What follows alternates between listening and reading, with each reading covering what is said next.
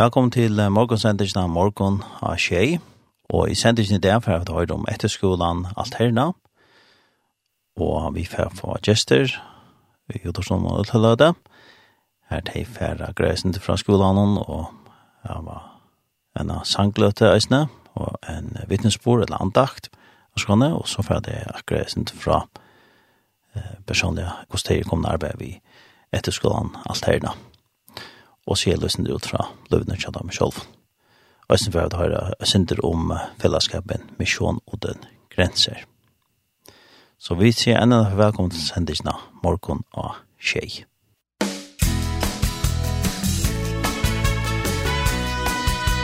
Du lortar etter Tjej, Kristelig Kringvarp.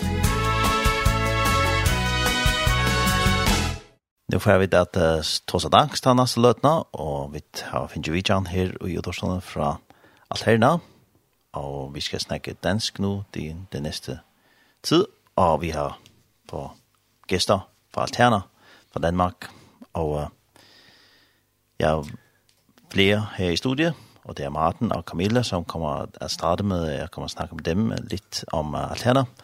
Uh, velkommen i studiet. Mange tak. Tak for det. Og uh, Alterna, hvad er det for noget? Jamen, Alterna er jo en, en efterskole uh, i Danmark, en, en kristen efterskole, og vi er sådan et, det, vi kalder et 10. og 11. klasses tilbud. Så når man har uh, taget den ordinære skolegang i Danmark, så, uh, så kan man vælge et år til, hvor man gør en forskel for andre, hvor man uh, uh, går i dybden i forhold til det at tro på Jesus, uh, lærer Bibelen at kende, lærer sig selv at kende, og være et år i udvikling. Uh, vi har sådan lidt en, en sætning, vi kalder reach out, be reached, eh sådan en cyklus, at kunne gøre en forskel for andre, selv få noget ud af det, eller have brug for noget, og kunne give efterfølgende. Yes. Ja. Og uh, hvad laver I så på færgerne?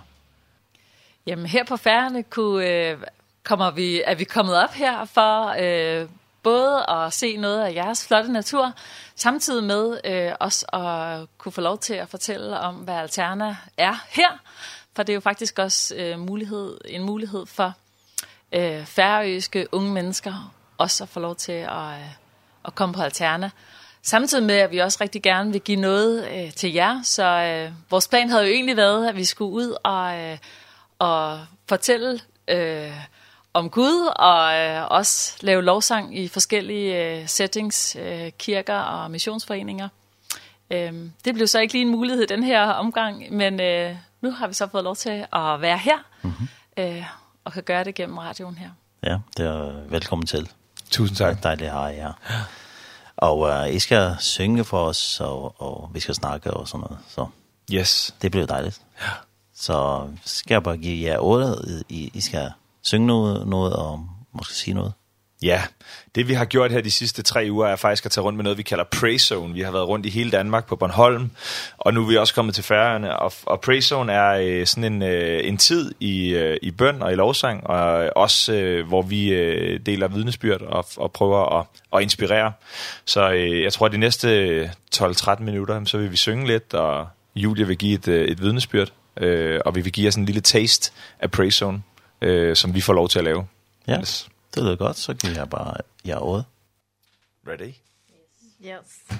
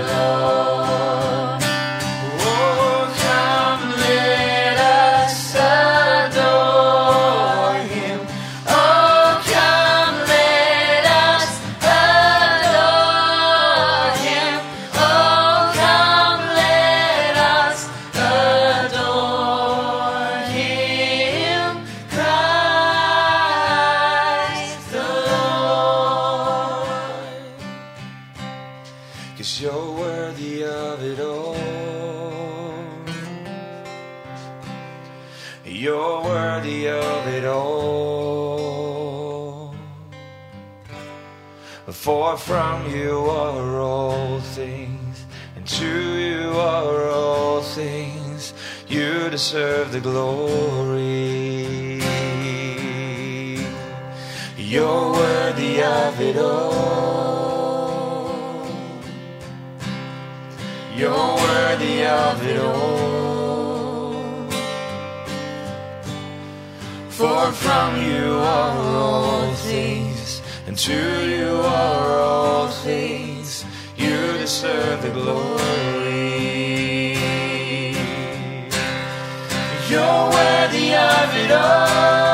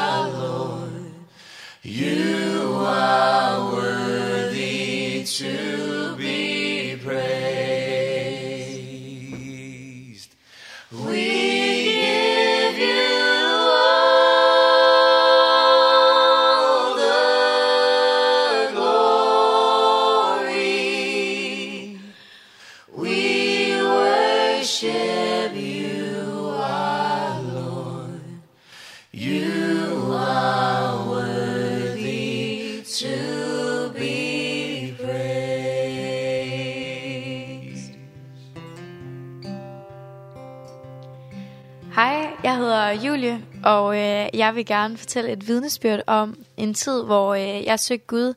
En tid, hvor jeg var virkelig ensom.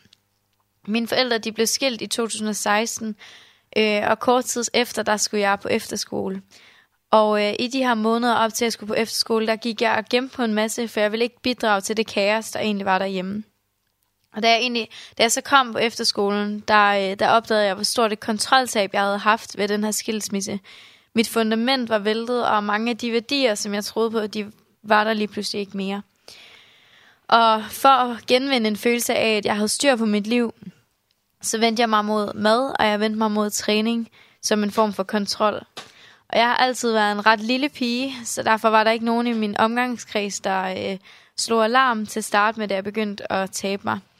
Men jeg var godt klar over, at jeg havde det dårligt, og øh, derfor så rakte jeg ud på den efterskole, jeg var på. Men jeg oplevede også, at jeg ikke blev grebet. I stedet for så oplevede jeg at få at vide, at øh, det, det er jo sådan en teenage-pige-fase, du er i gang med, og det skal du bare holde op med, og hvorfor stopper du ikke bare? Men i stedet for, øh, jeg kunne jo ikke rigtig stoppe. Jeg havde brug for øh, den her kontrol. Og først flere måneder efter, hvor jeg virkelig var blevet lille, og hvor det var begyndt at blive farligt, så blev der slået alarm, og jeg kom hurtigt i noget behandling for anoreksi ved en diætist og en psykolog. Øhm, jeg elsker at være sammen med mennesker, og elsker at bruge tid med de mennesker, der er omkring mig. Øhm, men lige pludselig så var hele mit sociale liv røvet. Jeg kunne ikke længere øh, have lange snakke med veninderne, som jeg ellers elsker. Jeg havde ikke koncentration til det.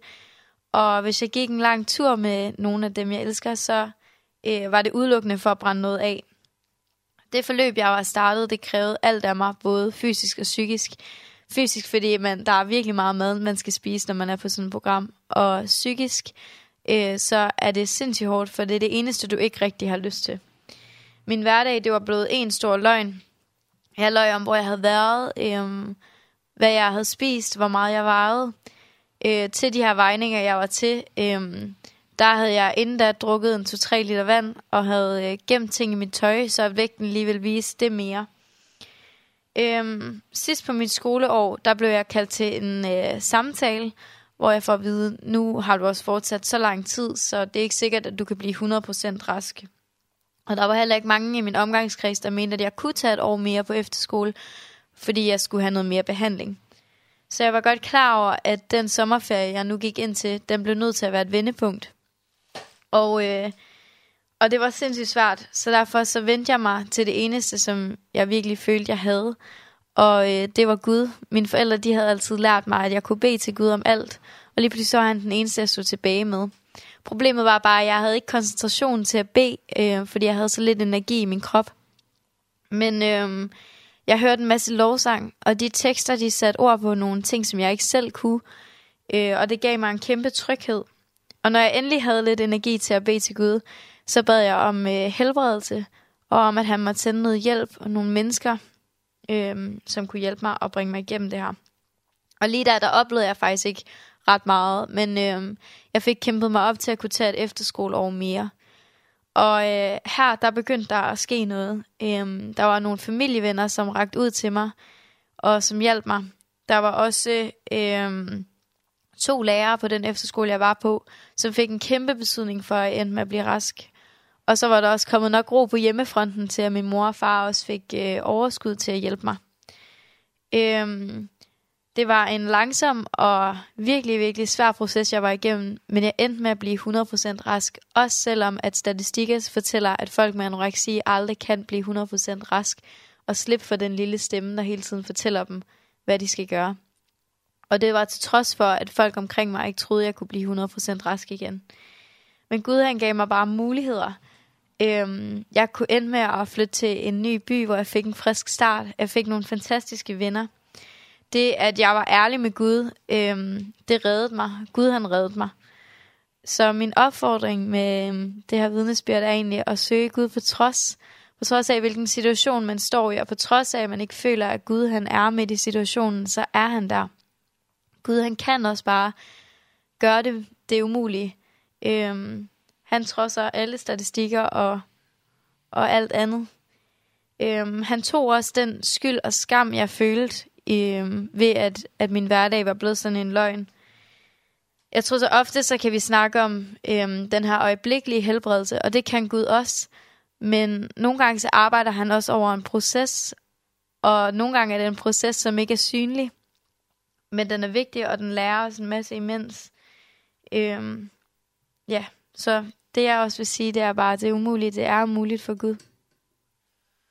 Tusind tak for det, Julie. Øhm, og i forlængelse af det, så øh, vil vi synge en sang nu her, der hedder Broken People. Øh, den er skrevet af en, øh, af en øh, sanger, der hedder Israel Huden, og, øh, og peger rigtig meget på, på det her med, øh, at vi som ufuldkommende mennesker øh, alligevel bliver brugt og bliver mødt øh, af Jesus. De synger i, øh, i, øh, i omkvædet. I var dog elsker den måde, som du omfavner øh, et brudt menneske som mig.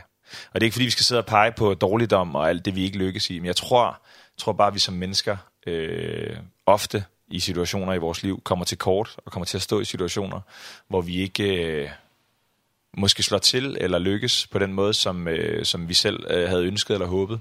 Og der tror jeg bare at det er øh, at det er vigtigt at vi inviterer Gud med ind i den proces, ligesom Julie peger på, øh, at når vi ikke selv øh, kan, jamen så er øh, er Gud ved vores side. Gud er med os, også selvom vi ikke nødvendigvis kan føle eller mærke det, så øh, så tror jeg at vi skal ture og øh, og og invitere Gud med ind, fordi at senere, lidt ligesom et, øh, et spor i vandet efter et skib, jamen, så vil vi kunne se øh, det, det kan man sige, kølvand, som er afsat, øh, og at Gud har været med til at sætte retning for vores liv.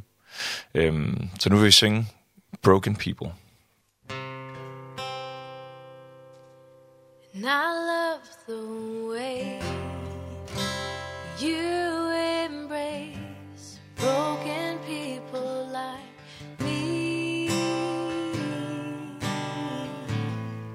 And I love the way You won't forsake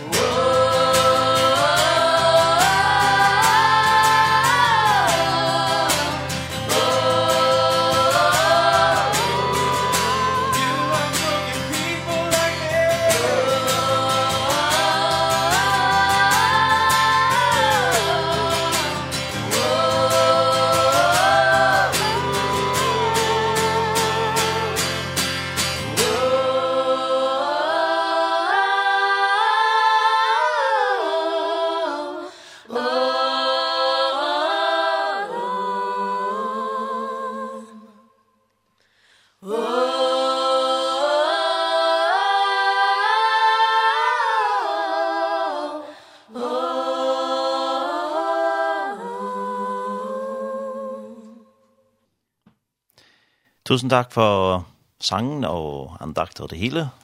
Og vi skal snakke litt mer med jer også, men, men jeg tenkte at vi skal velge en sang nå, før vi tager videre i programmet.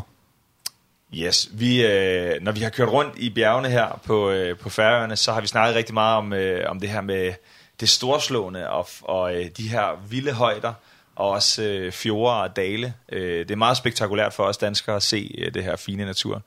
Så der er en sang, som sådan har ramt os alle sammen, og det er en, der hedder Highs and Lows. Highs and Lows, øh, som, øh, som vi bare synes øh, på en eller anden måde beskriver øh, færøerne, og også øh, Guds storhed får sådan et boost øh, af at være heroppe. Så Highs and Lows. Ja, den kommer her.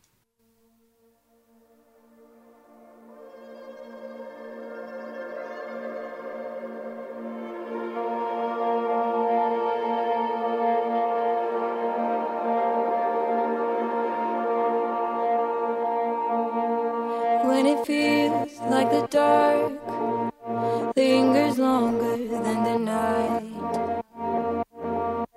When the shadows feel like giants.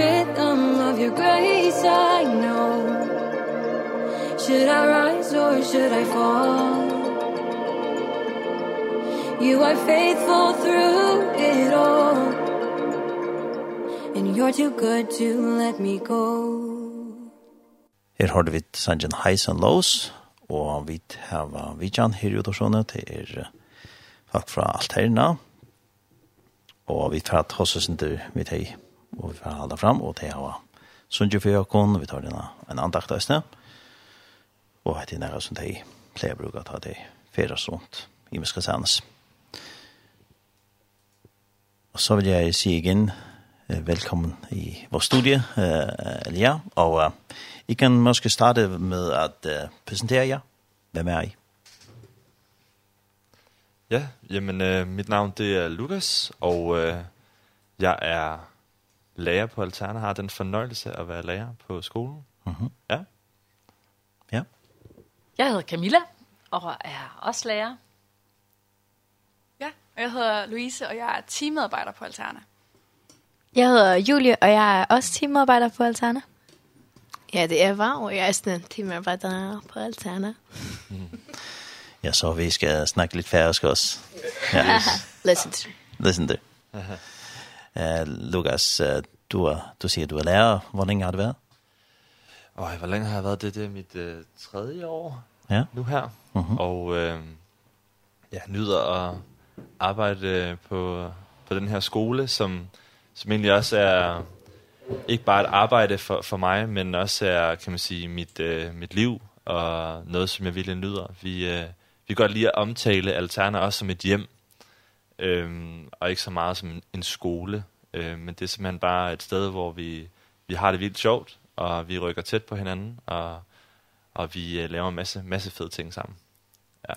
Hvorfor har du valgt at være lærer på Alterna? Åh, oh, det er... Øh Det er et godt spørgsmål. Jeg tror, at jeg har selv været led elev på skolen for, ja, det er jo 10 år siden nu, så jeg vil også blive en gammel mand, synes jeg selv. Men øh, det, var, øh, det var noget, som øh, virkelig øh, øh, satte noget i mig dybt, som jeg altid har haft med, og har virkelig hjulpet mig meget i mit øh, videre liv. Og så tror jeg på, på en eller anden måde, som, som mange andre elever førhen, også for mig af, øh, øh, har sådan en ønske om at give noget tilbage Ehm og så tror jeg bare, at det her med at arbejde med unge mennesker, det er noget, jeg virkelig nyder og holder af og elsker at være sammen med unge. Det kan også være, fordi det får mig selv til at føle lidt mere, mere ung selv, men, øh, men det der med at være sammen med, med, med teenager og unge mennesker hver eneste dag, og, og kunne have det sjovt og, og, og rykke tæt ind på hinanden, det, det synes jeg er, er vildt fedt. Ehm og hele også det her element i, at ehm ehm noget jeg virkelig brænder for, er at forklare troen på Gud på, på en måde, som som de unge mennesker kan, kan forstå, og, og noget, som der gør det kan man sige, jordnært og, og nemt til at relatere. Ehm der er jo mange unge mennesker i dag, inklusive mig selv, da jeg var på Alterna, synes det var svært at, at vide, hvem er Gud, og hvad, hvad, hvad, hvad vil han med mig, og er jeg god nok, og alle de her store spørgsmål og tanker, man kan have. Og det, det er sådan noget, man kan, man kan komme og opleve, og måske få lidt svar på øh, hos os på Alterna. Det er i hvert fald noget, jeg, jeg i hvert fald brænder for. øh, i mitt arbejde ja. Hvorfor valgte du at uh, gå på Stjerner? Jamen, jeg tror først og fremmest, det var fordi, jeg havde en rigtig god ven, som uh, fortalte mig uh, om efterskolen. Øhm, og så var der det her med, at, uh, at skolen tog ud og rejste. Vi rejser rigtig meget på Alterna, 8 uger om året. Uh, og det der ud og, og hjælpe andre mennesker og se verden og se andre kulturer. Og sådan når at vi har det godt, og, og vi har vores eget værelse, og vi får mad og drikke hver dag, men også det der med at komme ud og se verden, og se, at der er faktisk andre mennesker, som, som ikke har de privilegier, jeg har, og, og kan gå ud og hjælpe dem, og, og kan man sige, se de her ting. Og det, tror jeg var noget, som, som ja, jeg havde lyst til, sådan lidt eventyrlysten, at opdage verden, og ikke bare ja, være hjemme i, i lille Danmark, som, som jeg er fra, ja. Uh -huh. uh, gik du så bare på folkeskole først og så direkte til Ja, jeg tror faktisk direkte fra folkeskole, ja, 9. klasse, mm. -hmm. øh, og så direkte på alterner. Øhm, der var også nogen, der kom fra 10. klasse, øh, som man også kan. Øhm, så, men øhm, det, var, det var helt fantastisk, og jeg rejste til Afrika i Tanzania og Kenya, og ja, så øh, vilde dyr, og, og fik lov til at, at hjælpe en masse øh, mennesker øh, på min vej. Øhm, både med at, at fortælle om Gud og også, men simpelthen til at, at hjælpe med praktiske ting, øh, som gjorde et indtryk på mig, øh, og egentlig har gjort mig meget taknemmelig for, for mit liv og for, for det, jeg har. Ja. Og var det bare godt på, på alterner? Var det noget, som ikke var så godt, eller var, var det... Var det Det, nu, nu kan man sige, nu er det jo også lang tid siden, så skolen ja. har også ændret sig lidt. Ja. Øh, men jeg vil sige, i dag er det jo mega fedt at være på Alterna. Øh, det er jo en mindre efterskole, øh, i hvert fald i en måske dansk kontekst. Der kan godt være skoler helt op, hvor man er over 100 mennesker. Mm -hmm. Vi er sådan omkring øh, 50-60 elever, øh, og, øh, og det der med, at man, man er sådan tæt sammen, og alle kender hinanden, og alle har det godt sammen, og og øh, ja, man skal ud på den her rejse med ens øh, hold, rejsehold. Ehm øh, det er det er noget helt unikt og også øh, selve dagligdag på skolen, hvor man kan gå ud og, og have det sjovt, og spille fodbold, eller spille musik, eller bare hænge ud, det er, det er jo noget, som er helt unikt, synes jeg, på en efterskole. Mm. um, få nogle venner for livet også. Det er helt sikkert noget af det, som, som, som gør, at, at, at efterskolen er noget helt særligt. Eh ja. Så du kom på noget af det her, som du lærte i på den her efterskole senere i livet? Ja, helt sikkert. Og jeg er jo nogle af mine bedste venner, Det er jo nogen, jeg gik på Altana med dengang, og det er jo efterhånden jo 10 år siden. Øh, også kan man sige, i forhold til min relation til tro og, og Gud, det har virkelig hjulpet mig rigtig meget til at forstå, hvem Gud er, og hvad han vil med mig, og, og kan man sige, hele hans øh, eksistens, og, og den måde, han lever og, og taler til os på i dag, øh, det, er det, havde, det havde jeg ikke haft, øh, i hvert fald på samme måde, uden alterner. Det, er det er helt sikkert. Mm -hmm. øhm, Og det der med, at man er sammen med andre unge mennesker, som også vil det, det, det gør det helt særligt, at man ikke bare er måske den eneste, som har den følelse, men, men man er sådan lidt fælles om at, at opdage ting, og, og ja, kan man sige, ja, hjælpe hinanden med at, at udvikle sig mm -hmm. øh, til det næste, man skal i livet. Ja. ja. Dengang, når du gik på skolen, var der så bare fra hele Danmark, der var der for, for andre lande? Eller? Det var faktisk også, ja. jeg har gået med mange færing, Mm øh, og færingen, de er mega sjove. Og vi vil rigtig gerne have færiske mennesker på vores skole, så hvis der sidder nogen derude, så skal I bare, skal I bare ringe til os, eller tage fat i os, fordi det er, det er, det er mega fedt. Jeg tror også, jeg havde også nogle for Sverige, faktisk. Mm øh, hvor vi, og det, det er bare fedt, at man er flere kulturer sammen. Øh, og det giver noget helt unikt. Øh, jeg havde også en, en rigtig god færøsk ven, som jeg også stadig har i dag, øh, for vi gik på Altana. Øh, det kan være, han sidder og lytter med derude, men det er, det er i hvert fald noget, som, som hænger ved, øh, selvom man bor langt væk fra hinanden. Mm -hmm. ja. Så en, en god, meget god skole for dig? En meget god skole for mig, og en, en skole, som ikke minder om andre skoler, øh, hvor det handler om dansk og matematik og, og det, det på sådan nogle ting, men en skole, der handler om at, at lære sig bedre at kende, og og, og gøre noget for andre mennesker og blive oplyst øh, om verden og om tro på Gud. Og, og det her med, at det ikke bare er en skole, men det er et hjem, at, at vi vil rigtig gerne have, at når vores elever kommer på skolen, er så de hjemme, og de har den følelse af, at, at her kan de være lige præcis den, de vil være, og de ikke skal føle, at de skal præstere noget, som man måske kan have i andre skoler, eller man skal gå noget bestemt tøj, eller et eller andet, men man kan bare komme, som man er. Øh, og og, og finde ud af, at sådan er andre mennesker også, og, og simpelthen vi sammen har det helt unikt fællesskab. Og det, det er noget af det, som i hvert fald får at vide, og som jeg også selv har oplevet, da jeg var elev, at det, det er et unikt fællesskab, øh, lidt ligesom som man har hjemme i sin familie, bare en, en lidt større skala end de fleste familier, tror jeg. ja. Så, ja. Men øh, hvad laver du så, når du er lærer på den Jamen, jeg, skole? Jeg bruger rigtig meget tid på at være sammen med eleverne. Øh, det er i hvert fald først og fremmest øh, lære dem at kende, hænge ud med dem, spille fodbold, øh, se på TikTok-videoer, hvis det er det, de vil. Øh, simpelthen bare øh, komme ned på deres niveau. Jeg er nok også bare lidt en stor teenager selv. Ja. Øh, så, så det er måske også... Voksen. Ja, lige præcis. ja, måske lidt voksen, men, øh, men nok lidt lille barn indeni, så jeg nyder virkelig meget at være sammen med dem. Øh, så bruger jeg også meget tid på at, at kan man sige, øh, snakke om tro, øhm, på, på en sjov måde, og på, på en fed måde, som, som gør også, at, at de synes, det er sjovt at høre. Ikke sådan noget med at, at læse de gamle lov op i gamle testamente, hvor og sådan, det kan blive lidt kedeligt. men prøver at, at, at forklare det på en relevant måde, og på en sjov måde, så de forstår det. Og så det kan blive naturligt at snakke om, også nogle af de svære ting øh, i forhold til tro. Øh, og så bruger jeg meget tid på også at planlægge rejser til, øh, til, de, til de varme lande, skulle jeg til at sige. Altså i Mellem- og Sydamerika, hvor, hvor vi også rejser hen. Øh, og sådan ting. Så jeg laver alle mulige ting. Øh, tjekker det rengøring. Det er også ja. sjovt. det skal man også gøre, når man går på efterskole. Så det er det, det hele, øh, der er med i det. Og det Nå. nyder jeg virkelig. Mm.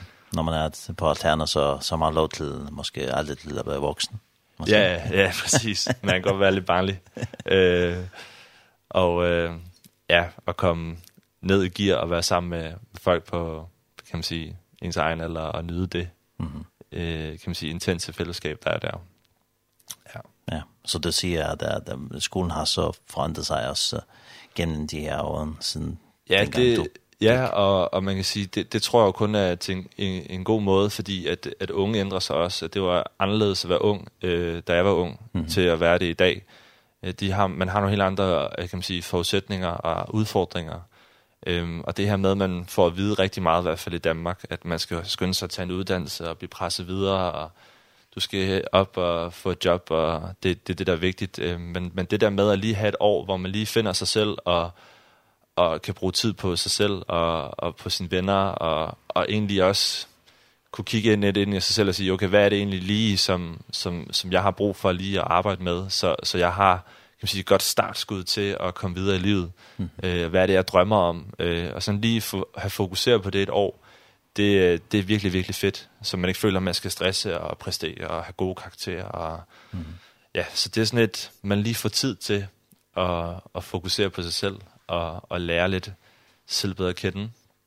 Og også det her med at udforske andre kulturer og, mm -hmm. og tro og så videre, ikke? Mm -hmm. Ja. Tror du også, at det er, det er svært at være ung i dag?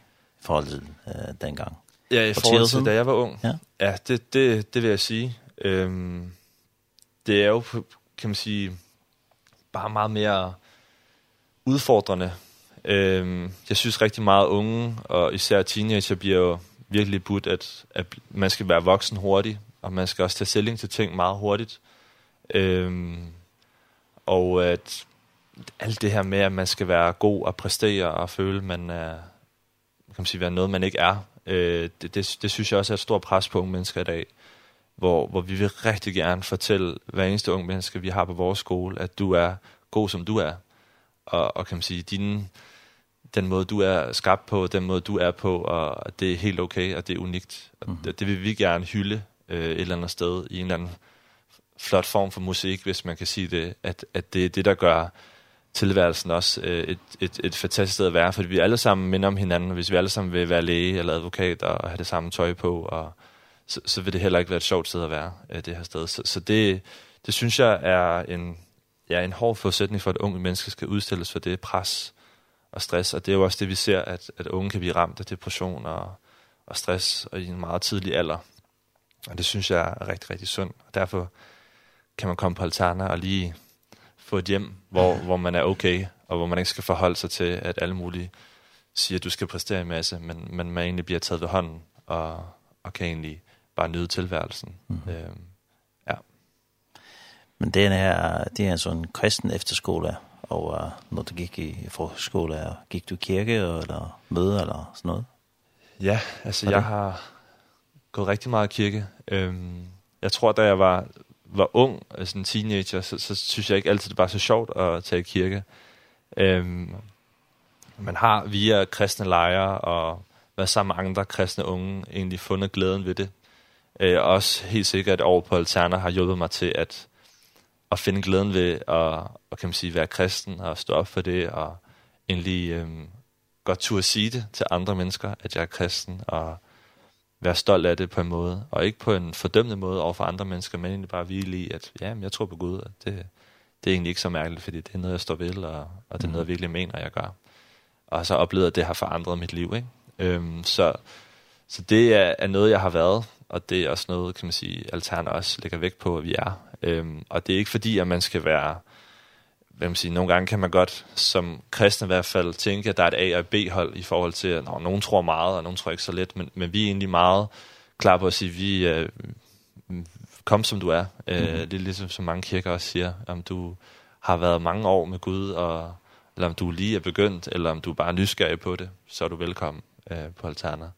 Det er ikke noget med, at du skal have blive døbt og alle sådan nogle ting. Det, så på den måde, så er vi egentlig meget inkluderende. Mm fordi at alle mennesker har deres forskellige rejser og kan stå i forskellige faser af deres liv og også har forskellige udgangspunkter, øh, mm -hmm. hvor de hvor de kommer fra med tro. Ja. Men har det altid været sådan, at du har kendt Jesus, eller var der et, et tid, en tid i dit liv, hvor du kom at kende ham? Jeg tror altid, jeg har fået at vide, at Gud han elsker mig, og Gud han døde for mig, og egentlig ikke helt, i hvert fald unge, eller kunne forstå, hvorfor det var så vigtigt. Øhm, fordi jeg havde det jo egentlig okay godt. Øhm, men som jeg blev ældre og, og har så gået igennem, kan man sige, svære ting i mit liv, hvor for eksempel min forældres skilsmisse og, og alle mulige andre ting, som man kæmper med, så, så finder man lidt ud af, at, at, at der er ting, som gør, at jeg er skrø, skrøbelig, og der er ting i mit eget liv, som jeg ikke, kan man sige, øh, er ret stolt af, og, og, og det her med, at Gud han kan hjælpe mig i det, det har jeg fundet enorm hjælp i, øh, og har fundet ud af, at det også virker, øh, og det er virkeligt for mig. Ehm og på den måde tror jeg, at, at det blev virkelig for mig tro, øh, og har egentlig tænkt, jamen, øh, hvad, hvad kan jeg tage ved at prøve? Hvad kan jeg tage ved at sige, Gud, jamen, så må jeg prøve at, at stole på dig, øh, og høre, hvad du har at sige. Og, og det, det var egentlig en fase, jeg var i mit liv, hvor, hvor jeg så oplevede, at Gud, han, han hjalp mig øh, øh, fra, kan man sige, fra det mørke, og, og bragte mig frem i, kan man sige, hans lys, og kunne se, hvad hans kærlighed kan gøre, og hvad hans offring for korset for mig betød. Øh, Så det, øh, ja, det er noget, som, som jeg aldrig har været foruden, og det er noget, jeg virkelig er evigt taknemmelig overfor, at mm. øh, kunne få lov til at opdage det, både på altaner og, og igennem kirkelejre og, mm. og så videre. Ja. Så han, øh, har han gjort en forandring i dit liv? Forskel? 100 procent. Mm. Øhm, det har han, og det gør han hver eneste dag. Øhm, Det er ikke bare noget, så skete for, for mange siden, men, nej, men det kan ske i dag. Nej, og, og det er jo også lidt det, fordi så kan man nogle gange basere sin tro på, og så kan det være, at Gud han har gjort noget en gang, og, og det var så det, men, men jeg er meget, øhm, i hvert fald fortæller mig selv, at Gud han er med mig hver eneste dag, øhm, og går i den virkelighed, øhm, og, og ser det også øh, i rigtig mange ting, og det er noget, jeg prøver at jeg bestræbe efter, øh, også i den ufuldkommende person, som jeg er, men prøver virkelig hele tiden at, at kigge på, hvad, hvad Gud han vil, mm -hmm. og hvordan jeg kan være med til at, at vise Gud på en, på en, en, øh, en sund måde til andre mennesker, uden at, at stå med en løftet pegefinger, eller, men simpelthen komme med et smil. Og, ja, vi havde faktisk en, vi snakkede med her forleden, som sagde det her med at dufte af, af kristendom, eller dufte af Jesus, altså mm -hmm. den der duft, det, det synes jeg var et ret fedt billede på, at, at egentlig at, at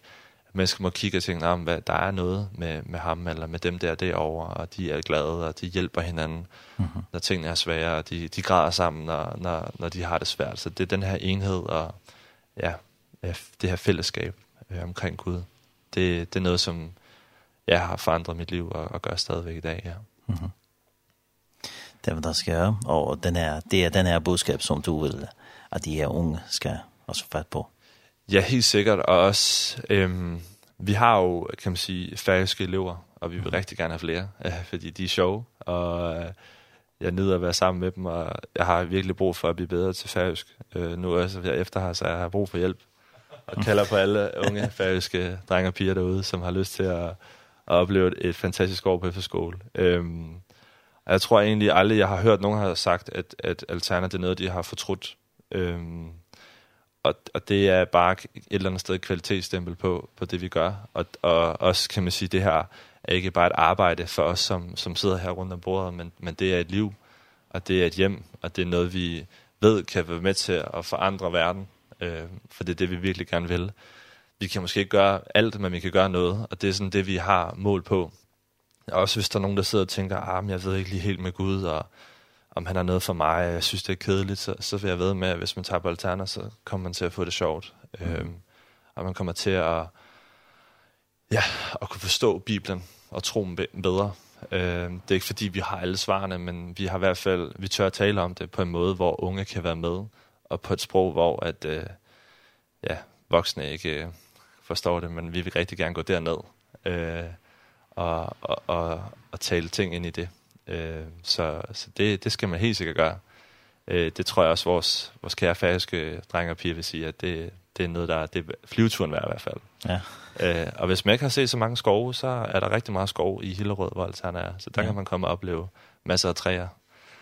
Ja. Det ved jeg i hvert fald, nogle af dem synes, det er ret sejt. og Men, McDonald's. Ja. Ja, det er ja. også et vigtigt ting at komme på Altana, Så kan man gå på McDonald's, hvis man vil hver dag. ja, Men uh, er det første gang, du er på færgerne? Det er første gang, jeg er på færgerne. Ja. Og jeg tror, jeg har taget så mange videoer, at jeg ikke har mere plads på min telefon. Nå. For det er så flot her. Så det er, det er virkelig storslået natur. Øhm, ja, vi har kørt, tror jeg, alle ørerne tyndt nærmest øh, i dag i går. Øh, og øh, det er helt vildt fantastisk.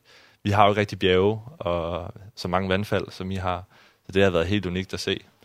Ehm jeg vil sige at det blæser lidt meget. Eh øh, ja. men eh øh, med det rigtige plukket, så, så er jeg klar på at, at være mere på færden. du kan bare komme her til sommer. Ja, lige præcis. Så er det måske lidt bedre vejr. ja. Det har jeg hørt også. Men det er, det er et land, som man kalder et land of maybe. Ja. Det kan ske. Hvis det sker i dag, så sker det måske i morgen. Ja, lige præcis. Ja, ja og i morgen skal vi sejle ned til en efterskole øhm, mm -hmm. sydpå, så det, det lå i hvert fald meget blæst og regn, så det glæder mig også lidt til at se, om jeg klarer den sejltur men uh, det bliver spændende. Ja. Ja. Ja, men eh uh, før vi snakker litt mer, ja, med jer, så skal vi høre litt mer musik, og uh, I har noen sang uh, som I har valgt, og uh, jeg vet ikke, hvilken sang vi skal ta nu. Uh, hvad skal vi vælge?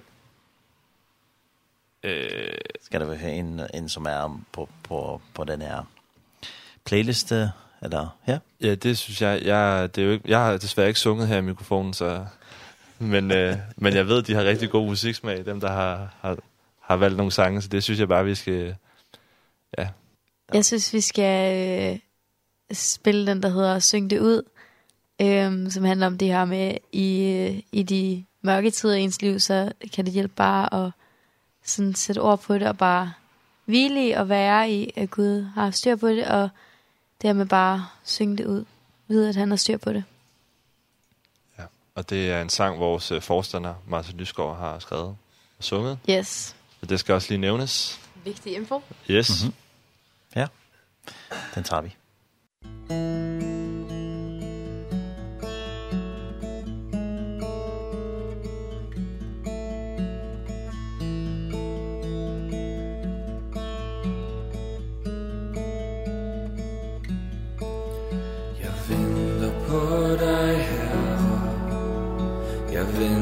på dig Gud. Jeg venter på dit nærvær For at krænge sjælen ud Mit hjerte bløder stille Mit sind er forødner. Mit bæger flyder over Det tynger i min krop. Tyng dit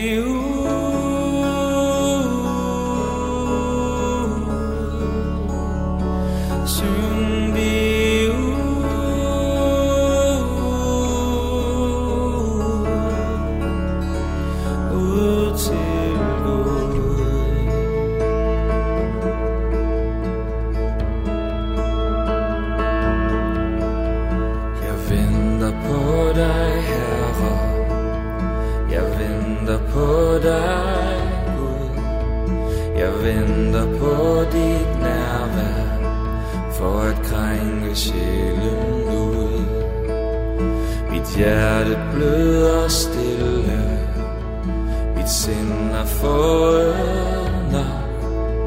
Mit bæger flyder over Det tynger i min krop Synd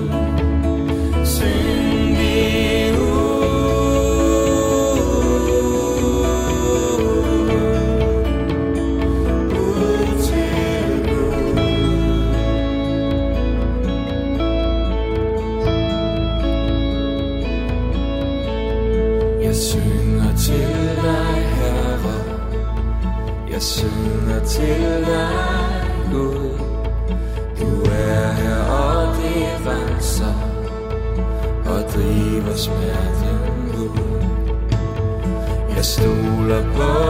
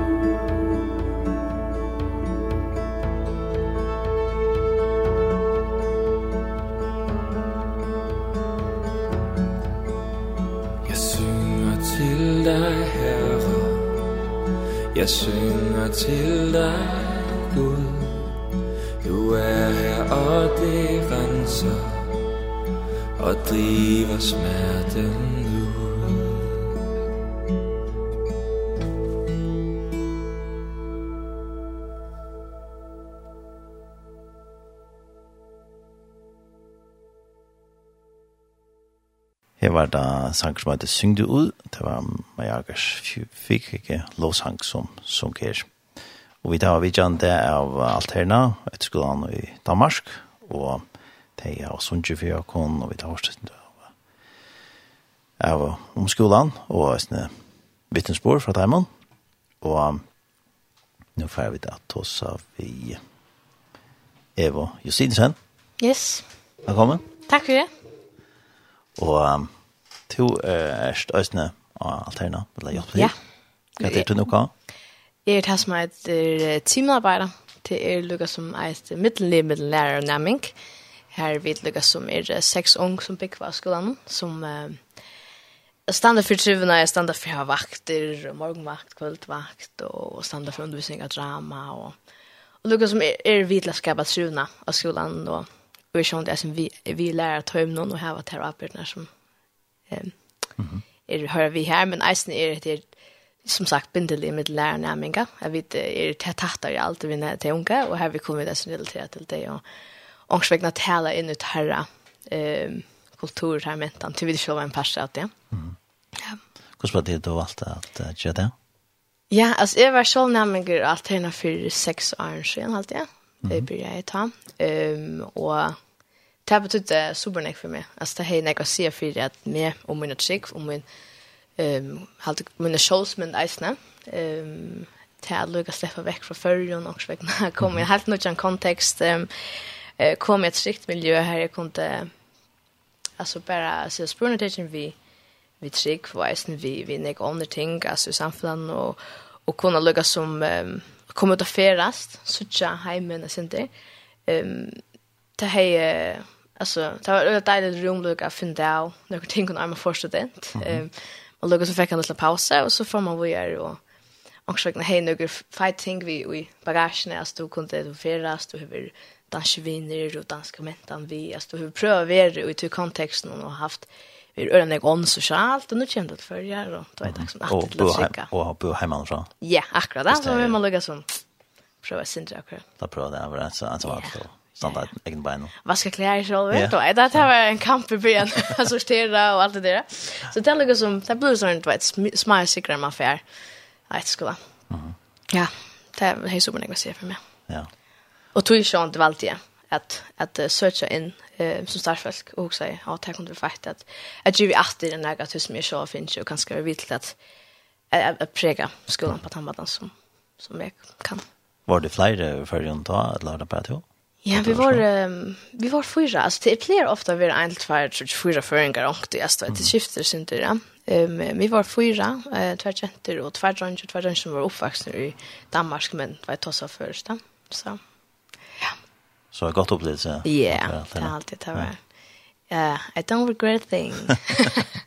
det var fantastiskt. Jag var väldigt glad för det och jag alltid, ja, det var det var en öle fight upplevelse. Ja, haft det haft tutning vid det sett ni nu så att han har att vi ja, själv skulle pröva det. Jo, alltså helt klart. Alltså helt klart att um, det kommer alltså det gamla är en annan perspektiv av samkomma alltid att komma veck och lägga få sin undervisning och i och i trunne och alltså alltså tutningen är av alltså av samkomma och en kristen fällskap ja. Ehm um, jag har alltså jag är alltid uppvuxen samkomma och sånt men men har inte som i Danmark har det kristen friskola och så där men jag har varit i allmän skola och um, har alltid haft nek, vi inte sikker vad det gör som er helt naturligt för mig men um, til at tilvelja mina sankom til å komme hjem, uh, betydde nek for meg, uh, til jeg forstått at uh, jeg som följt i hei, hei tvei, altså, tvei stød, altså, så tila, altså, du vet, jeg kunne komme med sankom føle meg hjemme her, men jeg også føle meg hjemme i kvot-om-kvot verden, eller så. Så ja. Men det er där affæren en, en kristen etterskola, var det her? Bare noe som det du ville gjerne färra ta då. Jacka fast hon då också ja. Det färra yeah. på snett skola. Alltså mamma mun ju inte alltid för flyer sen. Eller inte flyer så okej så sen äldre någon ner. Men um, för några år sedan att 20 år sedan så checkar mamma alltid. Och så tror jag vi ser inte för henne affär och och lägga som Um, henne upplevingar av alterna vi hörst om um, och tog det och så är som flera samkom som jag inte. Alterna som också det hela bara varit naturligt för mig av inslus och det eller så um, så det var något som så jag kom ut till något också och säger nu ska det alterna ska det till Danmark. Yes. Og, og det var naturligt att det skulle vara en, en, en kristen skola. Ja, det hade så jag är inte så sportligt så är färdig och året. Det var inte akkurat. Så jag var så så musik, socialt arbete, drama, mm, ja, till i mig. Ja. Det också. Ja. Det var nästan nämmer för alltså. Ja. Men det är det den kristna tryckven och, och Jesus och allt det där. Hur ser det här vi till en leva? Hur ser Alltså, det är ju alltid med en naturlig pastor av min livet alltså ju faktiskt inte kan hem allt ju kan chans komma och och du vet familjen charmar är är sikvande alltså angstvägna till en pastor är om en löv allt att ta som sik men Det är halt inte för en situation som man kommer till inte eller här du börjar för halt att det på en andra måten. Alltså till till några som du bara växer upp och här vi gör den pass just den pass där men att ta stöv till det och faktiskt kan titta se munlöv och kan hur så vi ska gå till munlöv. Eh betyder det för mig allt här när jag funderar at ok, blugga, god, hva vil du være mer, eller hva for gav du lagt ut med, som du ønsker at jeg skal bruka til, til at uh, tjene deg, tjene ja. mennesker, ikke? Mm -hmm. Så. Ja, han vil bruka til, og han yeah. vil ha personligt. Ja, ja, personlig forhold, ikke bare at, altså, la, alt godt om det, men altså, du vet, det vet jo at det er personlig løyve vi, vi tror, ja. Mm -hmm. Og at han kan bruke det til, at det gav han, du finner ikke. Ja, Han ikke bruker det. Nemlig, ja, akkurat. Tapt ut nek.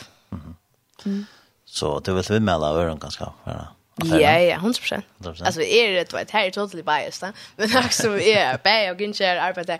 Men jeg har det, alltså, 100% anbefalt det. att, at, jag kände till, til, jeg bjørn det är snakk ganska færre som føringer till Danmark och skulle forhandelslandet till det, men, men jag hade det simpelt så gjøvant det att at jeg bjørn så sjøen sosialt, da, jeg skulle prøve å stande ikke med alltså altså, bare, alltså innanför ett punkt socialt personligt och andra lätta. Mm.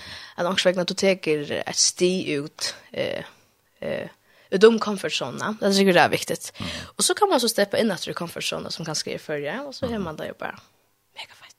Ja. Hur svär lunch så så? Och eh jag hade så spurt mamma så ringde jag rätt knappt så där hem. Alltså jag hade mig så trålt på allt igång, du vet du. Så så ju åkte långt det. Mm. Men eh, Men det blir mest i början, ja. Det är alltid nytt. Men så finner man fåta fester så får man med folk och ja, för gott för att lära så budar man och mer hemligt och här vid. Och någonstans tydligt, not just. Nej, nej. Det man blir så att det är gott tecken hvis, hvis när föräldrar, alltså föräldrar inte får kontakt med bötten ett skott. Jag tror det är bara gångt. Ja. Ja. Och då så snackar vi folk att han har tagit du... eh, sånt förringar som har varit vad de säger om allt det här. Alltså också att det som har alltså jag bär jag vet 18 år till över eller eller bara är. Det som ska så har vi ju haft och för sin namn alltså som som är vi lärare tja. Ehm TV superskeg att som har kunnat dela till upplevelser samman. Men som sagt så är allt det nästan brött det jag när nu tar väsen över för att ta ett check till nu. Ehm men men med en person att det är samma alltså visionen det samma kommer ut att föras ut att ut att missionen att alla sunna och och utveckla sig personligt och andligt och socialt. Det är ju alltid vi har alltid varit visionen så så där kan man ju till något stort att ta sig med. Vi måste nämligen om att hur min upplevelse var och kommer också väckna. Ja, det är det här samman. Men man har ju inte de vanliga lärarna här så då. Nej, nej man har um, man har ju spår så hur man ehm um, um, det är något som heter serve som är socialt arbete um, och så är det musik som är låsanger og tonläker um, active leadership som är læsle um, um, undervisning og eisne sport og utrett, og så hever du eisne wow-vennlig performance, yes. Det har vi dans och drama eh, til at vi alt sport du kan tilvelja, eh, som er mer fokuseret på tema. Annars er drama en parse, undervisningsalterna. Så det lukker som noen spår som man har som er eisne undervisning som er alfa og, och psykoväna eller selvledelse og sånne ting som er en första jag skulle och idrotter. Mm. Det släpper man inte. Nej, nej. Så uh, det kan vara imis kan man ta i mer. Ja, kan man ja, ja, totalt. Helt till. Ja, til rom for, uh, for mm -hmm. Kat valde du av dem? Jeg valgte serve. Ja. Ja, så jeg var uh, ute og møtte hemlösa i København. Um, og fikk prate med dig och och är resten av Tyskland nu um, som leier. Er vi der i Kristiania och og Elsheim i Kvavik. Så det är en, en bra vifte av mulig om det första møte folk igen. Det tar sig allt hela. Så ja, vi kommer ut på några måte. Hur ser det här knappt där ute? Där du ska prata några sälja gränser är ganska så. Ja, det uff, det är ju det är spänt nog vid man färra men så ska man ha flyr vi i snä på öppna. Ehm lång så att säga så. Ehm till det är mega fight alltså. Alltså jag hade det att man lukar som mästare man ska steppa upp eller så ehm um, ta gå upp ett par personer och det är alltid bara det är också vägna menat. Mhm. Och jag snävar björn det är också man bara ha jag vill inte men tack men jag var klar det som oftast. Man växer ju kan. Ja, det tas med ja. Ja. Ja. Så en en go to kan man säga. Visst ja. Yeah, I wouldn't trade it for a thing. Jag vet två år nu så det är också. Nu har vi värre och just smutt. Så jeg er super tacksam for det. Og fantastiskt att det big vad som vi gör någon gång och och fantastisk miljö vi lärare och så Alltså så det är ett att försöka nice inte vet miljö på tant förstånd där väl. Så talt jag. Men så slätt med ästna alltså fokus på att andra och alltså ja, rymligt. Ta dit var ta du checka allt här nu så för det att resa kvar för det till då. Jag för till Asien, jag var i Kina, Myanmar och Thailand. Ja, i sex veckor. Vad gjorde du där? Og i Myanmar møtte vi et nekvån slum, altså var vi i nekvån slumkvarteren, Myanmar er jo nok så av land kan man si at det er hersett i nekvån, og eh, är Imson, faktisk, altså är Imson London, og, og lukka som, um, så til at kom om man her og suttja nøyger på hos som vår, jeg vet at det primært vi slumpet nøyger, og jeg og vi, vi, vi, vi, vi, vi, vi, vi, vi, som är ehm vi, vi, eh, kvinnan og någon ur eh, menneskehandlet eh, og prostitusjon. Så det gjør vi primært med mar og Thailand var vi i en, altså, en, fengala, en flykningleie eh, her eh, burmeser jo har flytja ur Myanmar til Thailand. Så det er etnisk utrensning i Myanmar. Så det er reallig, man lærte alt sånn det. Jeg føler det er sånne ting som man minst enn det er til man vil nere seta og lukka som och Og i Kina her var vi rundt i undergrund til samkommen här ehm och hade möter och mötte missionärer som var här ehm i Kina og så hva for kort helivonder i en kommunistisk styre. Ehm och var Tibet där så ehm tara Tibet tibetanska buddhism alltså där så så att ta ta stå, och lugga som mesha liksom atmosfären här det var rätt intressant. Ja. Så du kommer att det tar ganska ett kontorschock för det kanske. Ja, ja. Kommer du till färjan och när lagt plopp kina. Det var helt en annan. Smätta ner alla någonstans. Ja, nej men super super spännande är snö. Och jag syns det är så tryggt för dem alltså man har nämningar, två nämningar kanske och såna lärare som så är man tömme och så förs man samman.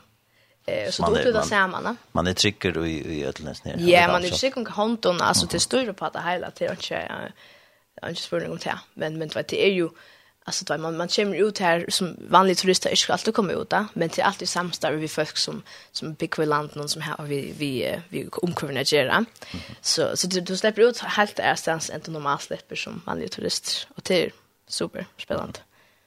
Ja. Så spännande ja. Ja helt klart. Ja, ja. så visst är det någon som luschar nu och ganska rotla färra affärerna. Ja. välkommen. Helt klart. Do it.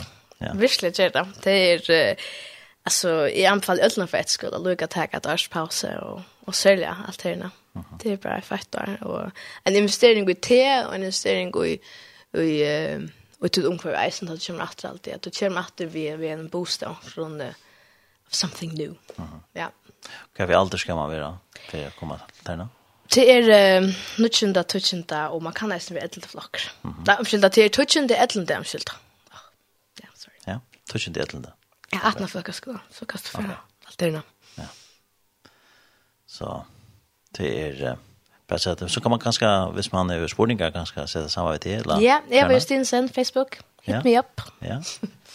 Ehm Messenger, nei, Messenger och Instagram allt. Skriv till mig. Hvis det og finnes alterna av Instagram, det er interessant. Her er next stories, next oppslø, og hvis det, hvis det er i om hva vi gjør, så bare hikk av Facebook og Instagram til at vi spammer inte men vi det øyelig godt lett ut. Ja. Det lägga vi kommande och synga. Yes, yes, så det är spännande ting. Ja, ja. Spännande. Ja. Spännande. Mhm. Ja, jeg är färdig att uh, sen prater vi uh, Louisa. Hej. Louisa. Hej. Välkommen till vår radio. Tack. Och du uh, är også på Alterna och gör arbetet där. Och det gør jeg. Din opgave er? Jeg er også teamarbejder, mm -hmm. øh, ligesom Eva. Mm Og øhm, ja, det har jeg været, det er mit første år som teamarbejder i år. Øhm, ja, og det kan jeg bare helt vildt godt lide. Det er mega fedt at se, at, at man kan være noget. Jeg gik selv på Yeo Class, som også er en rejse efter skole i Jylland. Øhm, og der havde jeg bare helt vildt meget nytte af de her unge arbejdere, øh, som var på, på min efterskole. Og siden da, så fik jeg bare så meget lyst til selv at kunne gøre det samme. Og, øhm, og det er virkelig også bare, hvad jeg oplever. Og øh, og få en masse glæde af at kunne se de unge mennesker vokse og kunne vandre sammen med dem i hvad de sår i. Ehm ja, det nyder jeg helt vildt meget. Mhm. Hvorfor har du har du valgt at, at komme og arbejde på Altana? Ehm ja, af den grund valgte jeg at komme. Jeg vil helt vildt gerne ehm bruge tid og danne relationer sammen med mennesker og unge mennesker og øh, og havde selv en helt vildt god oplevelse med det. Øh, og grunden til at jeg valgte lige præcis Alterna var at jeg gerne ville øh, prøve noget nyt. Øhm, jeg vil gerne prøve noget, som jeg, jeg kender til, og så alligevel ikke. Øhm, jeg kan helt godt lide at prøve nye ting, nye udfordringer, men jeg, men jeg vidste også, at det var et sted, hvor jeg virkelig kunne se nogle helt vildt fede værdier. Og, og det her med at rejse og lidt sådan en alternativ efterskole, det synes jeg var helt vildt fedt. Og det havde jeg også selv helt meget glæde af, så, så der vidste jeg, at, at der ville jeg føle mig helt vildt godt tilpas, og føle, at jeg kunne give noget der. Mm -hmm. ja. Og du sagde, at du var, var på juleklasse. Mm. Var det så efter folkeskole? Ja, der gik jeg fra 9. og så på year class. Okay. Ja. Og så tog jeg på gymnasiet i tre år, og så nu er jeg her. Ja. ja. Og um, kan du fortælle lidt om det selve med det med, med den kristne tro og mm. det med kirke og Jesus og noget? Er det sådan noget, som du er opvokset i? Ja. Øhm, jeg voksede op i en kristen familie. Kommer fra Herning og er kommet i den samme kirke, Åben Kirke, Herning, øhm, hele mit liv. Og, øh, og ja, jeg er kommet med i kirke, og det har jeg synes helt vildt godt om. Jeg tror for mig, så var vendepunktet, og, og på en eller anden måde, der hvor jeg tog mit skridt til at vælge det her, det er også min tro, og ikke bare mine forældres. Det var da jeg skulle ungdomsvelsignes. Øh, jeg er ikke døbt, men, eller det er jeg nu, men jeg blev øh, døbt senere, og jeg blev ungdomsvelsignet i min kirke. Og øh, for mig så var det et kæmpe skridt i forhold til min personlige tro, og, og selv øhm, ture at stille spørgsmål til min tro, og ture at selv øh, finde svar, og, og gøre det sammen med en masse andre teenager, øh, som vi var dengang. Så, så for mig der var det der, jeg rigtig tog det første aktive skridt i forhold til min egen tro, og, og så især også på mit efterskoleår, så øh, det var et kæmpe højdepunkt for mig i forhold til min tro, og få et helt år, hvor jeg kunne investere og møde en masse andre mennesker, øh, som også netop ville det, og, og give troen en skalle på en eller anden måde. Og ja, det er stadigvæk noget, jeg ser tilbage på som et kæmpe højdepunkt. Mm -hmm. ja. Og øh, det med at kristen tro at gå i skole, og, og, og det, er, det, er det svært? Øhm, jeg gik på en kristen friskole hele mit liv, og øhm, og gik også på en kristen efterskole, så, så for mig så har jeg altid, altid sagt sådan, at jeg har boet lidt i sådan en kristen osteklokke, øh, har haft det rigtig godt, og har været, har været et trygt sted, hvor det har været det mest almindelige at tro på Gud. Øhm, så jeg tror for mig, så oplevede jeg først på gymnasiet, hvordan det egentlig var ude i den virkelige verden at stå med en tro, som, som jeg også tog seriøst. Øhm, øh, jeg havde nogle rigtig gode oplevelser, og også nogle lidt svære oplevelser på gymnasiet i forhold til at tro på Gud og, og være en rigtig kristen, som det tit bliver optalt, øh, omtalt. Mm-hmm. Øhm, men jeg tror også, jeg oplevede, at at tage Gud med og have den ekstra dimension i forhold til nogle af de andre af mine venner. Øhm, det gjorde en kæmpe forskel i min relation til dem, at, at jeg, kunne, jeg, jeg følte, jeg kunne åbne op for noget, som de måske også havde brug for, og at der blev åbnet op for. Og jeg fik en masse snakke med, med dem omkring, øhm, hvad er tro for mig, og hvad er det måske ikke for, øhm, for den kultur kristne, men hvad, hvad er det, når, når man faktisk aktivt vælger det? Og det oplevede jeg, at, at der var til stor glæde for mange, at, at man netop turde det. Mhm. Ja. Så det var godt at have det bagagen, øh, ja. det kristne var vokset op i det her, og har det med i gymnasiet. Ja, helt sikkert. Mm -hmm. Ja. Og uh, fik du så også, var, var, der, var der andre kristne venner, som du havde med i gymnasiet? Ja, øh, jeg har faktisk en del venner med i bagagen, som jeg har holdt i mange år. Både fra folkeskolen, øhm, på min kristne folkeskole, så, så havde jeg også nogle kristne venner øh, på mit gymnasie, som jeg også holdt rigtig meget af, og, og, og holdt ligesom et fællesskab der. Øhm, så det var rigtig godt. Og så fik jeg også en masse nye venner, som ikke var kristne, og som, som også gav noget helt nyt øh, i forhold til at danne relationer og, og have det med i sin hverdag. Mm -hmm. ja. Og så kom du så på Alterna, og jeg har hjulpet til med Alterna nu i et år. Ja, det her ja. det er så mit første det år som timearbejder. Ja. Og, og så er det kommet til færgerne, er det første gang? Øh, jeg har faktisk været på færgerne en gang før. Ja. Øhm, jeg gik med fem færinger på mit efterskoleår. Mm og, øh, og året efter vi havde gået på efterskole, så tog vi herop og besøgte dem. Øh, en stor flok, 15 eller, eller sådan noget var vi. Så tog vi rundt og så alle, alle tingene, man skulle se, og måske også noget af det, man ikke nødvendigvis skulle. Men det var bare sindssygt fedt at have en masse øh, lokale, som man, som man også havde en relation til, og som de synes var helt vildt fedt at kunne vise os, hvor de kommer fra. Uh -huh. øhm, Så, så ja, jeg, jeg jublede bare glad, da vi skulle hoppe igen, og det synes jeg er så fedt. Ja. ja. Og juleklasse og alterner, er der, er der stor forskel? Nej, det vil jeg ikke sige. Øh, der er helt vildt mange ting, der, der er det samme. Øhm, og, og også mange af de samme værdier. Øhm, og især det her med, i hvert fald som er kendt af mange, det her med at rejse, og også rejse i længere tid. Øhm, og det var også noget af det, jeg selv synes var helt vildt fedt, at, øh, at netop kunne få lov til at komme ud og møde mennesker, og ikke bare lige se dem og så vinke farvel igen, men faktisk komme ud og hjælpe, mm -hmm. og føle, man kan være, altså, gøre en forskel øhm, ude i verden. Og øh, jeg var selv på Filippinerne og i Taiwan, mm -hmm. øhm, og kom ud i slummene øh, i Manila, og det gør stadigvæk sådan meget indtryk på mig, når jeg tænker tilbage på det, og hvis jeg ser noget med det. Øh, fordi det er så stor en oplevelse at få lov til at komme ud og gøre en forskel, og møde mennesker, og faktisk også kunne huske nogle mennesker, som, som lever i en helt anden virkelighed end en selv, men hvor man virkelig bare kunne komme ud og føle, man faktisk gav dem et håb i forhold til at fortælle om Jesus og, og snakke med dem og den relationer. Mm -hmm. ja. Spændende. Yes. Ja, men uh, vi skal høre lidt med musik, uh, for vi har uh, lidt mere snak. Og uh, hvad skal det være nu? Vi skal høre uh, Meet Your Maker with John Mark Pantana. Mm. Ehm som är en verkligen god sjanger som är Jag vill inte att någon till lust texten eller ehm god texter som handlar om att vi möter vi god, mm -hmm. möter vi och skapare. Och hur han är den minst religiösa personen eller jag kan leva. Eh han han säger att hon är fullt ut och inser att eh att sätta hon fri. ehm för att som kan binda hon. Så visst god text så lust. Ja, han får det.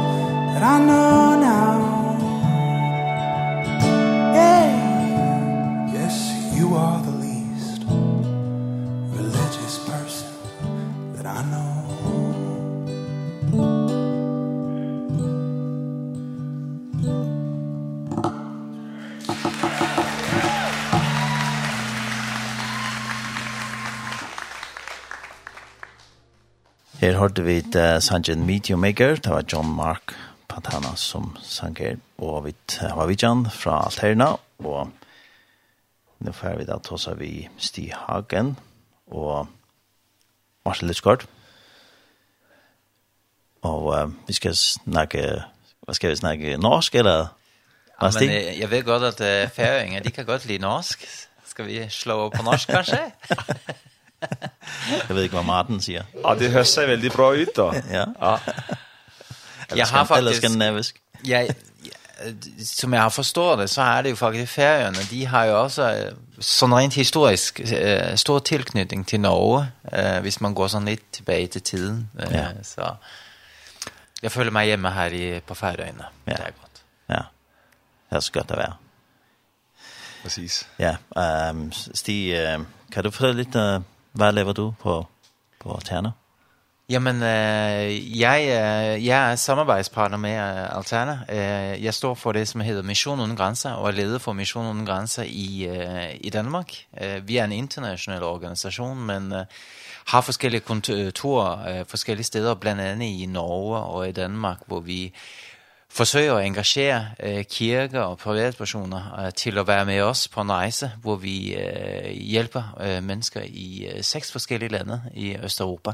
Og den rejsen har vi inviteret øh, Alternativ at med på, øh, og de har hjulpet os med flere forskellige ting og vist, at det, det kan godt lade sig gøre for unge mennesker at gøre en forskel i dag. Så det synes vi er super fedt, øh, og meget taknemmelig for det samarbejde. Ja, og uh, Martin, uh, det med at, at få sådan samarbejde op at køre med Alterna og, missioner og grænser. Ja, men man kan sige, at vi samarbejder egentlig på, på mange forskellige platforme. Øh, øh, Stig og jeg har vist sig at være et, et godt intuitivt match, som øh, kan få mange skøre idéer. Øh, og så er det faktisk fedt, at nogle af dem også øh, kommer ud i livet. Øh, så vi samarbejder egentlig både øh, nationalt i Danmark, hvor vi, øh, vi som skole laver noget, vi kalder Let's Load, mm-hmm. hvor vi fundraiser genbrugstøj, øh, og så øh, gør vi det i samarbejde med Mission Uden Grænser, deres ansatte, og deres logistik. Øh, de har en meget, meget velfungerende logistik omkring øh, nødhjælp og nødarbejde. Øh, så nu de sidste tre år har vi faktisk lykkes i at pakke først 5 tons, så 6 tons, så 8 tons øh, tøj, øh, som vi på en dag sorterer, pakker i poser og får sat på paller og smidt på en lastbil, som så bliver sendt afsted til Østeuropa. Øh, og så udvider samarbejdet sig, eller sammenhængen i det bliver jo så, at, at, at vi også har en tur til Europa. Udover de rejser, som vi har snakket om, så har vi en tur, hvor vi øh, tager til Rumænien. Øh, og sammen med, med den øh, rumænske afdeling af Mission Uden Grænser, øh, og Stig øh, og hans crew i Danmark, jamen så har vi øh, lavet logistik omkring øh, øh, simpelthen outreach i, øh, i Rumænien. Nu har det ligget stille på grund af corona, øh, men vi forventer her til, øh, til foråret igen at skulle, øh, skulle komme derned med en flok elever, øh, som skal rundt og arbejde der.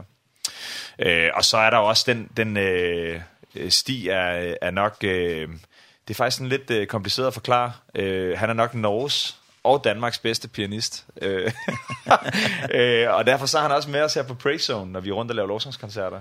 Eh Øh, og spiller og, og, og worshipper øh, sammen med os. Så vi har samarbejder på alle mulige forskellige planer, øh, og nyder og, øh, og kunne supplere hinanden øh, som skole og som øh, missionsorganisation. Ja. Så hvis det var hvis vi havde et klaver her nu i morgen så så ville han spille med. Så ville han spille resten af udsendelsen, og vi andre ville bare sidde Och soke. Ja. Okej. Ja. Det blir gott. Det blir nästa gång. Ja, det blir det. Nej men det alltså det som är det som jag syns är fett med samarbete med med Alterna det är ju på måde att bevisa att uh, mission det är inte kun för äldre människor uh, men det är också något för unga människor och jag syns att Alterna ger lite uh, alltså jas ansvar jo udruste den næste generation mm. til, til mission. Mm. Og alle jeres rejser bærer jo præg af, at I har lyst til at dele evangelier, I har lyst til at række ud til mennesker. Og mm. derfor synes jeg, vil jeg også opfordre øh, elever. Øh, altså, det, måske øh, nogen, som sitter og hører her nu, øh, har, har du en datter eller en søn, eller er du selv på alder?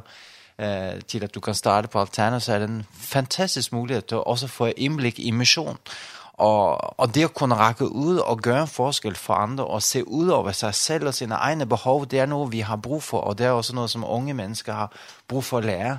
Mm. Eh, og det får vi virkelig mulighed for i, i vores samarbejde. Eh, det. Ja, jeg tror, man kan sige, når vi har, vi har en skole, vi har teori, vi har undervisning, vi har noget, vi gerne vil klæde eleverne på, men, men det vigtigste for os er egentlig at skabe praktik, Mm-hmm. Så, så når eleverne står ved slutningen af året, så har de ikke bare lært nogle ting, som de muligvis får brug for i livet, men de har faktisk prøvet at udleve, eller kan man sige, har allerede draget sig erfaringer med det at lave mission. Og det er jo lige præcis der, hvor vi har brug for, for rammen til at lave praktik i. Vi har ikke en skolepraktik, hvor vi konstruerer det at lave mission. Der har vi samarbejdspartnere, hvor vi kommer ud og får lov at gå med i felten øh, med øh, Alice, Alessandro Danilenko, som er, er chief i, øh, i, i Rumænien for, for Mission Without Borders, og hans crew, så får vi lov at gå med ud, når de tager ud i, i landsbyer og besøger øh, romager, som, som jo lever øh, under vilkår, som, som vi ikke ser Øh, det er faktisk nogle gange vildere end det vi oplever i Afrika øh, og det er bare halvanden to timers flyvning fra øh, fra vores øh, fra vores gode vilkår i Danmark på Færøerne og i Norge mm. og, og og de her skandinaviske tryghedslommer som vi bor i. Øh, så på den måde så får vi lov at skabe praktikken. Det det er real life experiment øh, øh, og, og, og, og det er simpelthen unikt. Øh, så når man ligesom har været på Alterna, så, så, så håber vi sådan, at de unge de er klar til at tage fat i det næste, engagere sig i organisationer som Mission Uden Grænser, eller der er, der er masser, man kan, kan gøre der, eller komme hjem og være ressourcer i kirker, være dem, som måske lige banker på og, og sparker døren ind og så siger, nu må vi lige ryste posen, der er nogen, som har brug for os, vi har brug for at fortælle om Jesus, vi har brug for at gøre en forskel. Øh, også nu er vi jo ikke ældre, nogen af os, der sidder her, men vi er en anden generation, og nogle gange så kan det, det kan blive så komfortabelt at sidde på kirkerækkerne, og vi ved, hvad der skal se søndag efter søndag, vi ved, hvad der skal ske i ugens løb, men vi har brug for at forrykke vores comfort zone, fordi at, at øh, virkeligheden, den er lige uden for døren, øh, og det er mega vigtigt at gøre en forskel. Ja. Og i den her organisation, med Mission Under Grænser, øh, var er stod inden, hvor, hvor længe har det været? Ja, men det er faktisk en rigtig gammel organisation. Den, har øh, den har eksisteret i over 60 år, øh, og begyndte faktisk med bibelsmugling øh, inde bag, bag ved jerntæppet i, øh, i Østeuropa øh, i sin tid. Og øh, så sker det jo det her i, øh, i, i slutten af 80'erne, at øh, muren den, den, øh, den, den falder jo i Østeuropa, og, og man kan sige, så kan man endelig komme ind i de her lukkede lande, Och där upplever man ju en vanvittig nöd efter mange, många många år med med ekonomisk eh, problem och så vidare.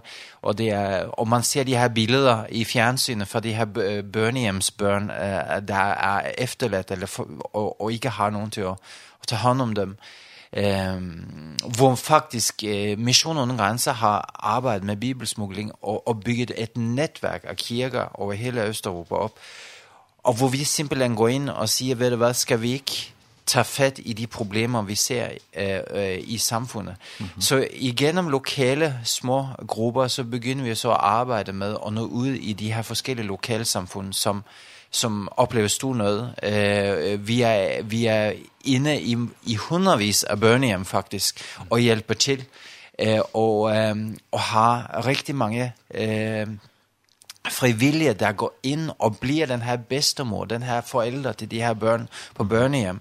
Eh, vi, eh, vi, vi går så inn i landsbyerne og hjelper eh, der hvor det mangler alt. Eh, sygehusudstyr, tøj, eh, skoleudstyr eh, og så videre.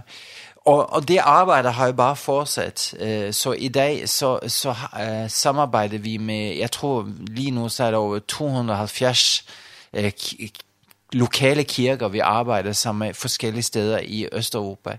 Og, og hvor, hvor i mange af de her kirker, så har vi oprettet det, vi kalder et community center, eh hvor kirken bliver faktisk et lys i sit lokalsamfund til at række ud øh, med hjælp til, til de, som har behov.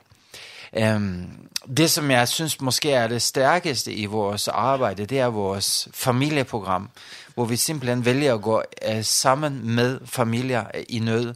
Øh, nogle af de her familier har absolut ingenting. De har ikke engang blyant og penal til deres børn til at kunne gå i skole, så mange sidder faktisk og har børn hjemme. Mm -hmm. øh, de har øh, de skal lære nogle helt øh, basic ting, altså eh som hygiejne, de skal de skal lære at at sende sine børn på skole selvfølgelig. Ehm de har måske aldrig haft et rigtigt arbejde. Og det å på en måte flytte noen mennesker fra den situasjonen til å kunne bli selvstendig og velfungerende, det er en lang prosess. Derfor sier vi at jamen, vi vil ikke bare komme og, med litt nødhjelp, men vi vil faktisk gå på vandring med familien. Så vi lever en femårskontrakt med de her familier, hvor vi, eh, hvor vi jævnlig arbeider med deres liv, hvor de, hvor de oplever også at bli genoprettet på innsiden. De får hverdagen tilbage, de får troen på livet tilbage. Eh, eh de får no hjälp till självhjälp. Eh, de får täckt någon umiddelbare behov men vi lever også en plan för familjen. Hvordan de kommer ut av den här vad ska man säga avhängighet av hjälp men hvor de kan klara sig selv. Eh och det syns vi är virkelig, virkelig fantastisk, og vi får lov at se hundredvis af familier komme ud på den anden side, hvor de står på egne ben og har kommet ud af det her mørke. Uh -huh. Og i den proces, så deler vi også evangeliet. Eh, vi tror, at eh, vi mennesker vi har brug for noget mere end kun materiel hjælp. Vi har også brug for at blive, eh, blive fornyet på indsiden og møde Gud og den kærlighed, som han har til os, -huh. som kan for, forandre os eh, og give os et nyt liv på indsiden. Fordi så vil det livet, det vil på en måde eh, være med at forandre tingene omkring os. Eh, Og det, det, derfor får vi lov til også at se, at der er rigtig mange, kommer til tro på Jesus og får et helt nytt liv. Så det gør en stor forskel? Det gør det virkelig. Ja, må man sige. Ja, det er fantastisk. Ja, og, og øh, hvordan får I så, I så så til, til det arbejde? Ja, men det, det er på flere måder. Altså, nå, nå nevnte jeg lige uh, Martin her, at Alternativet har samlet inn tonsvis av tøy, og det er klart at tøy og, og nødhjelp, øh, ting som vi måske ikke har brug for lenger, kan gjøre en kæmpe forskel, når man ingenting har. Uh, så det er med jo gøre en forskel så er det selvfølgelig, altså vi har jo mad, og, og, og vi, vi, vi laver jo øh, øh, 10.000 av måltider øh, i året øh, til forskellige mennesker, også ældre og børn og så videre. Ehm og det er klart, det koster penge, så vi, vi, vi laver indsamling øh, i flere forskellige lande, blandt andet i Danmark, øh, Og vi har også haft øh, en, øh, en folder ude i postkassen her øh, på Færøerne faktisk, øh, fra det danske kontoret, hvor vi har samlet ind til vores øh, julehjælp. Mm -hmm. Og øh, du kan bare forestille dig, at øh, samfundet er lukket ned, der corona, eh du har ikke nogen ordentlig arbejde, der er ingen sociale eh, eller velfærdsmuligheder, som kan tage hånd om dig i en sån kritisk situation som världen är i dag i forhold till pandemin och och corona är meget udbart i Østeuropa för det är inte så många där har fått vacciner ännu. Ehm så så det er rigtig mange der lider. Og i den her tid så har vi simpelthen øh, så forsøger vi at samle ind så mange penge som muligt så vi kan være med og hjælpe så mange familier som muligt. Eh, og vores mål er 42.000 eh, julepakker, som vi skal distribueres i hele Østeuropa. Så hvis du sidder derhjemme og tænker, har du og har lyst til at være med og give en ekstra julegave, så find den der folder, hvis du har den liggende et sted. Eller gå ind på missionerundengrænser.dk, eh, så kan du også finde information eh, om, hvordan du kan være med og give. Og man kan også finde jer på, på Facebook. Vi er også på Facebook. Ja. Där kan man också. Så MU, uh, Facebook slash MUGDK. Uh, eller så kan man bara søge Mission Uden Gränser på Facebook. Så kommer vi også upp där. Mm -hmm. Eller på jeres hjemmeside. Eller på vår hjemmeside, ja. Der får man masse information. Der, der kan man også. Og man har faktisk også mulighed, hvis man har lyst til at blive fader for en familie, og gå på vandring med en familie. Det giver vildt meget mening. Eh, og vi har flere fædre også fra, øh, fra Færøerne. Eh, mm. Så det er vi meget taknemmelige for. Ja, det lyder godt. Mm. Ja. Ehm og det her eh nu har vi snakket om alterner og, og sådan hvis nogen skal have information om alterner hvordan får man det? Jamen øh, vi har vores øh, vores hjemmeside www.alterna.nu. Vi plejer at sige Nils Ulla nu Øh, der kan man øh, gå ind, og der er egentlig et overblik over, hvad, hvad skolen er, hvad vi repræsenterer, informationer omkring vores undervisning, vores spor, vores rejser. Mm-hmm vores ansatte og, og værdier og grundlag. Og der, øh, det bedste der er egentlig bare at trykke på øh, tilmelding. Det er sådan uforpligtende. Øh, så får vi en, en mail og tager kontakt, og så kan vi øh, tage en snak om, hvad, hvad drømmen kunne være for, øh, for den pågældende unge, øh, og også hvad vi som skole tilbyder. Vi vil rigtig gerne i, øh, i kontakt og også give information omkring, hvad der, hvad der foregår på skolen. Og ellers, som Eva også sagde, øh, så har vi en, øh, en Facebook og en Instagram kørende. Øh, vi spammer ikke, men vi øh, prøver at finde en... Øh, en, en æstetik i det, vi laver, som giver et, et, et virkeligt billede af, hvad der foregår på skolen. Ja. Så vi hører meget, meget gerne fra, fra interesserede. Ja, også hvis man har spørgsmål, så man kan kontakte Eva også. Ja, det kan man. Ja. Og man kan også uh, bare trykke på besked inde på vores Facebook eller Messenger, øh, undskyld, øh, Instagram, så, uh, så, så, så svarer vi også der. Ja. Yes. Og hvad koster det at komme på Alterna?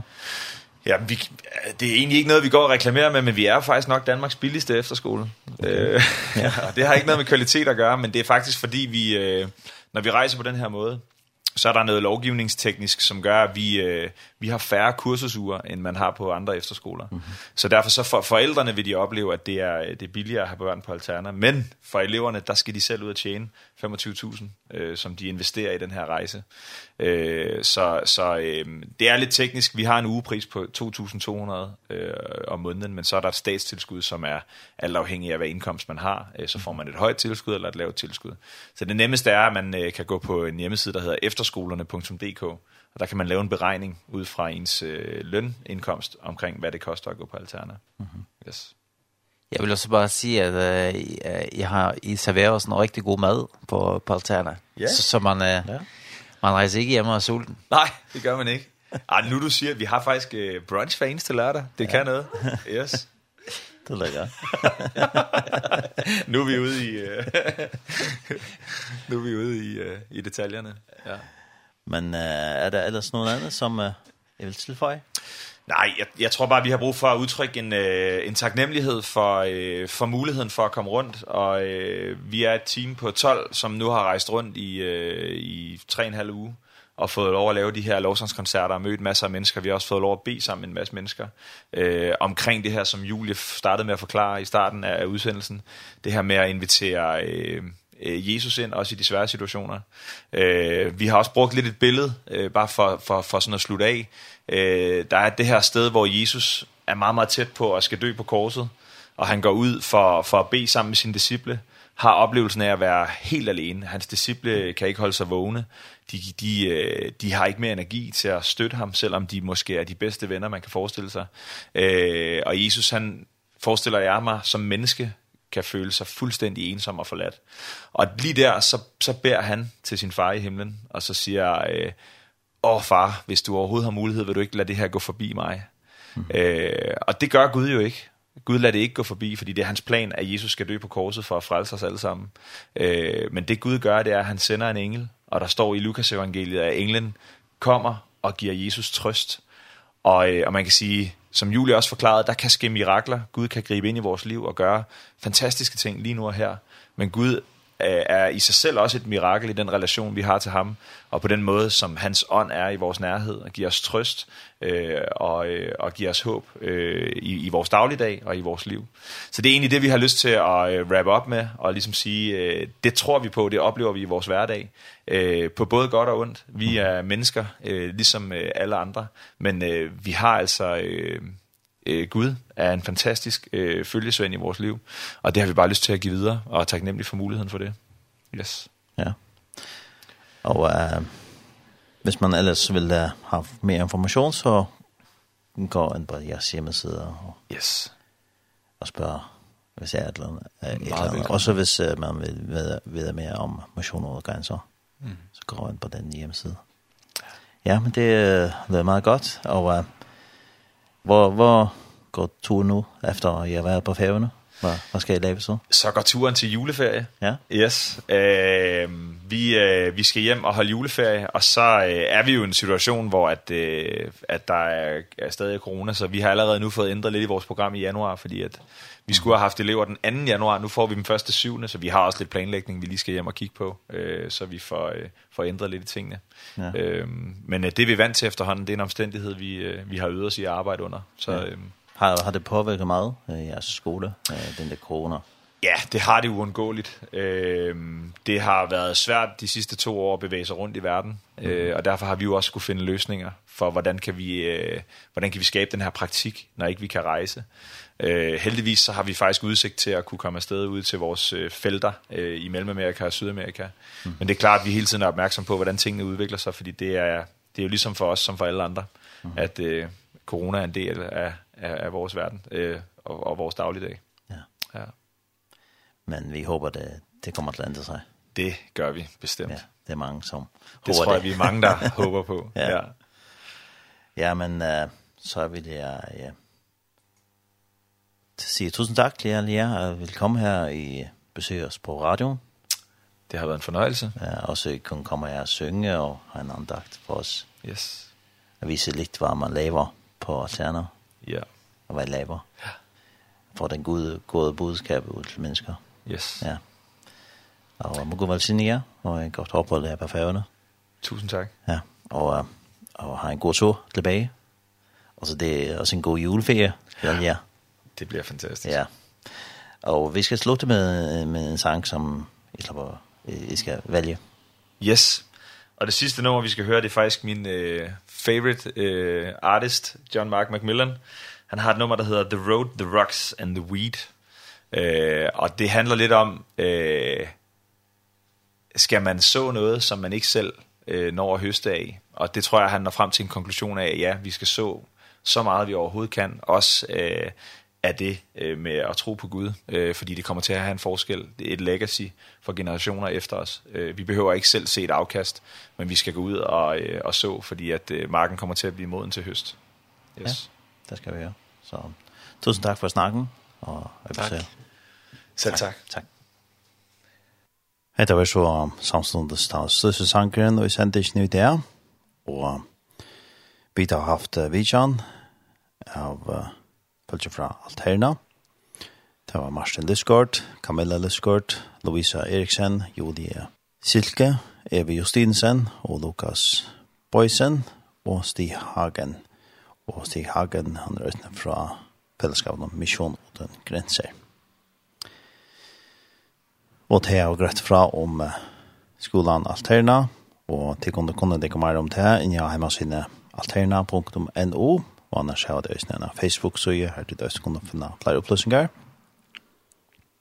Så her er flere muligheter at få opplysninger, og også hvis det er noen som ikke er ferdig til skolan, så kan man også sette sammen med hei, og også spyrir deg spurningar man røysa det samme de Eve Justinsen, som hever sjålgindje alt herna, og hon arbeids alt herna nå i løtten. Her og i Udarsson i dag, var Tar Ernes Hansen, og hendes sender enda kjent i kvöld klokkan tjei, og i natt klokkan fem, og så var det høysten løgt ut av heimasynet tjei.fo. Så takk for meg og i det, vi tar rest.